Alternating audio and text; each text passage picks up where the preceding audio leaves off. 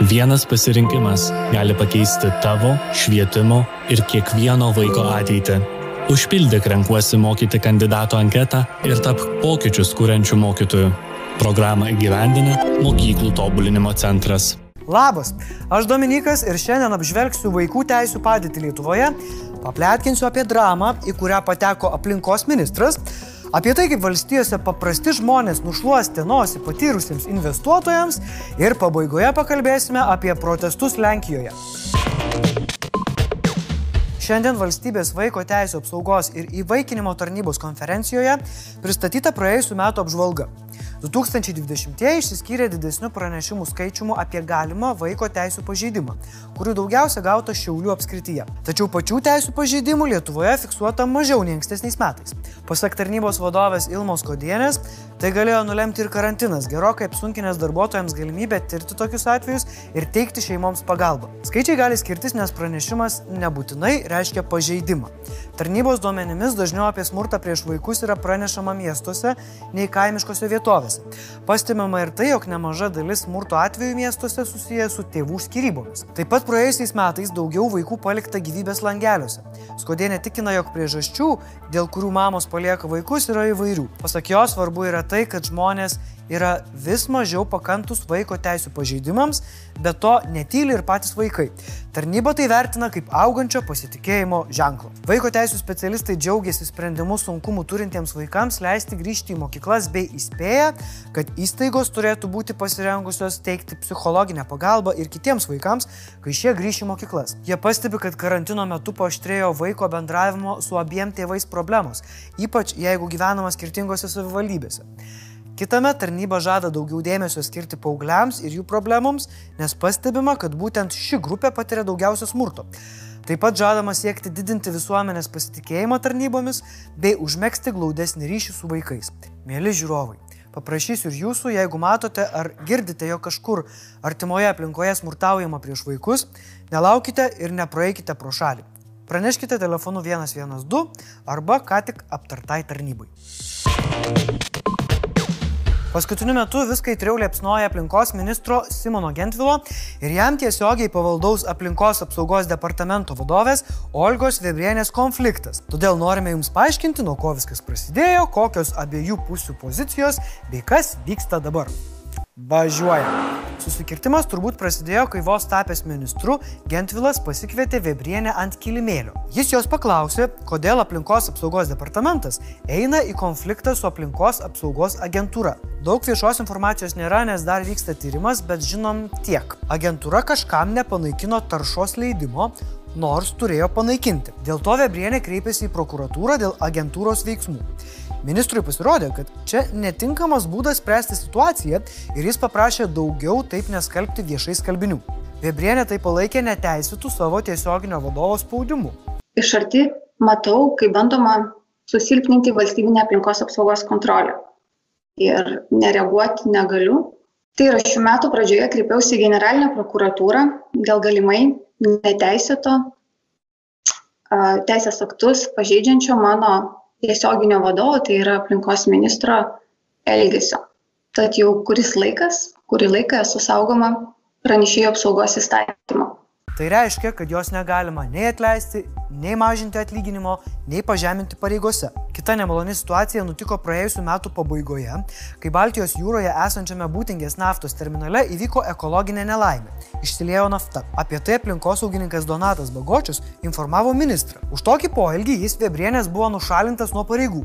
Žiniasklaidoje pasirodė informacija, kad tai padaryta, nes Bagočius atskleidė jautrius tarnybinius duomenis tretiesiems asmenims. Čia turima omenyje ministrą ir jo patarėją. Tačiau dabar Vebrienė patikslino, kad iš tikrųjų aplinkosaugininkas nušalintas, nes tyrimą atliko ne tarnybos metu. Ministerija po įvykio pradėjo departamento veiklos tyrimą ir priėmė Vebrieniai nepalankų sprendimą - nustatyti keli pažeidimai susiję su priemokomis ir išmokomis darbuotojams, netinkamų prieimimų į darbą. Vebrienė su išvada nesutinka ir sako, kad jeigu pažyma susipažinimui būtų pateikta anksčiau, dalies išvadų būtų išvengta nes kai kurie pažeidimai įvyko dėl žmogiškosios klaidos ir jau yra ištaisyti.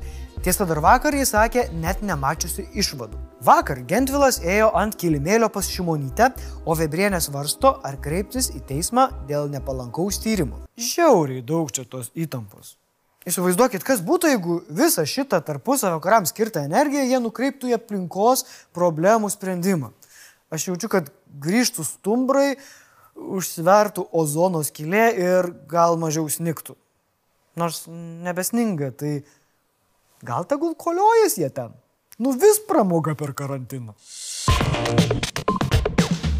Čia tokia įdomesnė naujiena iš Junktinio Amerikos valstijų apie akcijų karą tarp Wall Street vilkų ir paprastų amerikiečių. Esmė tokia, kad per pandemiją žmonės vis daugiau sėdi namuose ir vis dažniau naudojasi online paslaugomis. Pavyzdžiui, ne perka fizinės kompiuterinių žaidimų kopijas, o tiesiog siunčiasi žaidimus. Todėl nenuostabu, kad iškilo grėsmė fizinėms parduotuvėms visiškai užsidaryti. Kuo jiems praščiau sekasi, tuo labiau krenta jų akcijų vertė. Taip nutiko ir su amerikiečių vaizdo žaidimų priekybininkė GameStop. Tačiau Wall Street'o investicinės kompanijos nusprendė iš to stipriai užsidirbti. Jos pasinaudoja metodu vadinamu short selling. Iš esmės, investuotojas pasiskolina iš žmogaus jo turimas akcijas ir parduoda jam nežinant. Taip daro, nes nujaučia, kad akcijos kris dar labiau. Kai akcijų vertė nukrenta, investuotojas jas nuperka pigiau ir gražina žmogui. Žmogus apie tai nieko nesužino, o investuotojas uždirba gražaus pinigėlio. Šiuo konkrečiu atveju Gudrų Wall Street'o planą pastebėjo paprasti amerikiečiai investavimo mėgėjai socialinio tinklo Reddit kanale Wall Street Bets. Jie skubiai susipirko akcijas ir dabar rinkoje yra šių akcijų trūkumas. Vadinasi, Norėdami gražinti pasiskolintas GameStop akcijas, investuotojai turi pirkti jas už kosminę kainą, o akcijų kaina tikrai kyla net 134 procentais. Ir kuo ilgiau investuotojai mėgėjai hodlins akcijas, tuo labiau kaina kils. Taigi uždirbo neriebus vilkai, o paprasti akcininkai. Ah, beveik Robino Hudo istorija. Tačiau ar tikrai viskas yra taip nuostabu? Labai gerai situaciją apibūdino ekonomistas Nerijus Mačiulis, sakydamas, kad JAF akcijų rinka tampa labiau panašiai pogrindinį cirką, kuriame beždžionėlės žongliruoja benzininiais pjūklais, o apsvaigę žiūrovai daro statymus, kas pirmas susižeis. Kuo viskas baigsis? Dabar akcijos kainuoja rekordinius 500 dolerių. Bet yra tokia taisyklė, kad akcijos negali kilti amžinai ir iki begalybės. Kažkada jos sugrįž į buvusį lygį ir atspindės tikrąją įmonės padėtį. Tačiau jau dabar aišku, kad žmonės išlošia, o dideli riebus Wall Street investuotojai nukentėjo. Tačiau noriu perspėti galvojančius, kad čia revoliucija ir paprasti žmonės nuo šiol galės užsidirbti paskaitinėję Reddit'e, Discord'e ar pažiūrėję TikTok'ą. Visada nukentės ir praloš tie, kurie nieko neišmano apie investavimą. Yra toks pasakymas, kuris čia irgi labai tinka. Visada laimi lošimo namai. Kaimininė Lenkija vėl krečia protestai. Vakar šalyje prasidėjo masiniai protestai prieš pradėjusi veikti naują sugriežtintą įstatymą dėl abortų tvarkos. Varšuvoje protestuotojai rinkosi prie tribunolo pastato ir toliau pajudėjo miesto gatvėmis. Priminsiu, jog spalio mėnesį Konstitucinis teismas kelbė, kad neštumo nutraukimas apsigimimų atveju turėtų būti nelegalus, todėl dabar abortas Lenkijos teritorijoje įmanomas tik išžaginimo, kraujomaišos atvejais arba kai motinos veikatai ir gyvybei grėsia pavojus. Toks įsigaliojęs įstatymas yra vienas griežčiausių visoje Europoje. Iki šiol Lenkijoje per metus teisėtai būdavo atliekama mažiau kaip 2000 neštumo nutraukimo procedūrų moterų grupių skaičiavimu apie 200 tūkstančių moterų nutraukė nepageidaujamą neštumą nelegaliai arba vyksta į užsienį. Apie protestą paskelbė ir organizacija Moterų streikas. Žmonės Lenkijoje ir kitose šalise dėl šio įstatymo patvirtinimo išėjo į gatves dar spalio mėnesį, kai įstatymas buvo priimtas parlamente.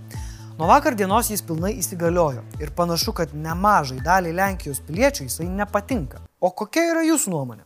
Ja visada galite parašyti komentaruose. Kieteko dainelė.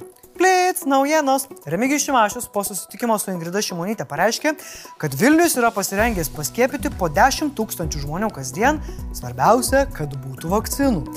Šiuo metu Vilniuje kasdien paskiepijama apie 1000 žmonių. Specialiųjų tyrimų tarnyba pradėjo tyrimą dėl įtariamų pažeidimų skiepijant Žalgirio klinikoje. Tyrimą STT pradėjo po to, kai gavo pranešimą apie neteisėtai beilės paskiepytus apie 20 žmonių. Junktinės karalystės verslai po truputį pradeda jausti breksito pasiekmes. Sausio mėnesio duomenimis dėl pasikeitusių tvarkų pasienyje ilgėja įvairiausių prekių pristatymas. Kas neturit kastuvo, išsikasti kiemą ir savo automobilį, neskubėkit lėkti parduotuvę iš prieglaudos, galit pasiimti nemokamai.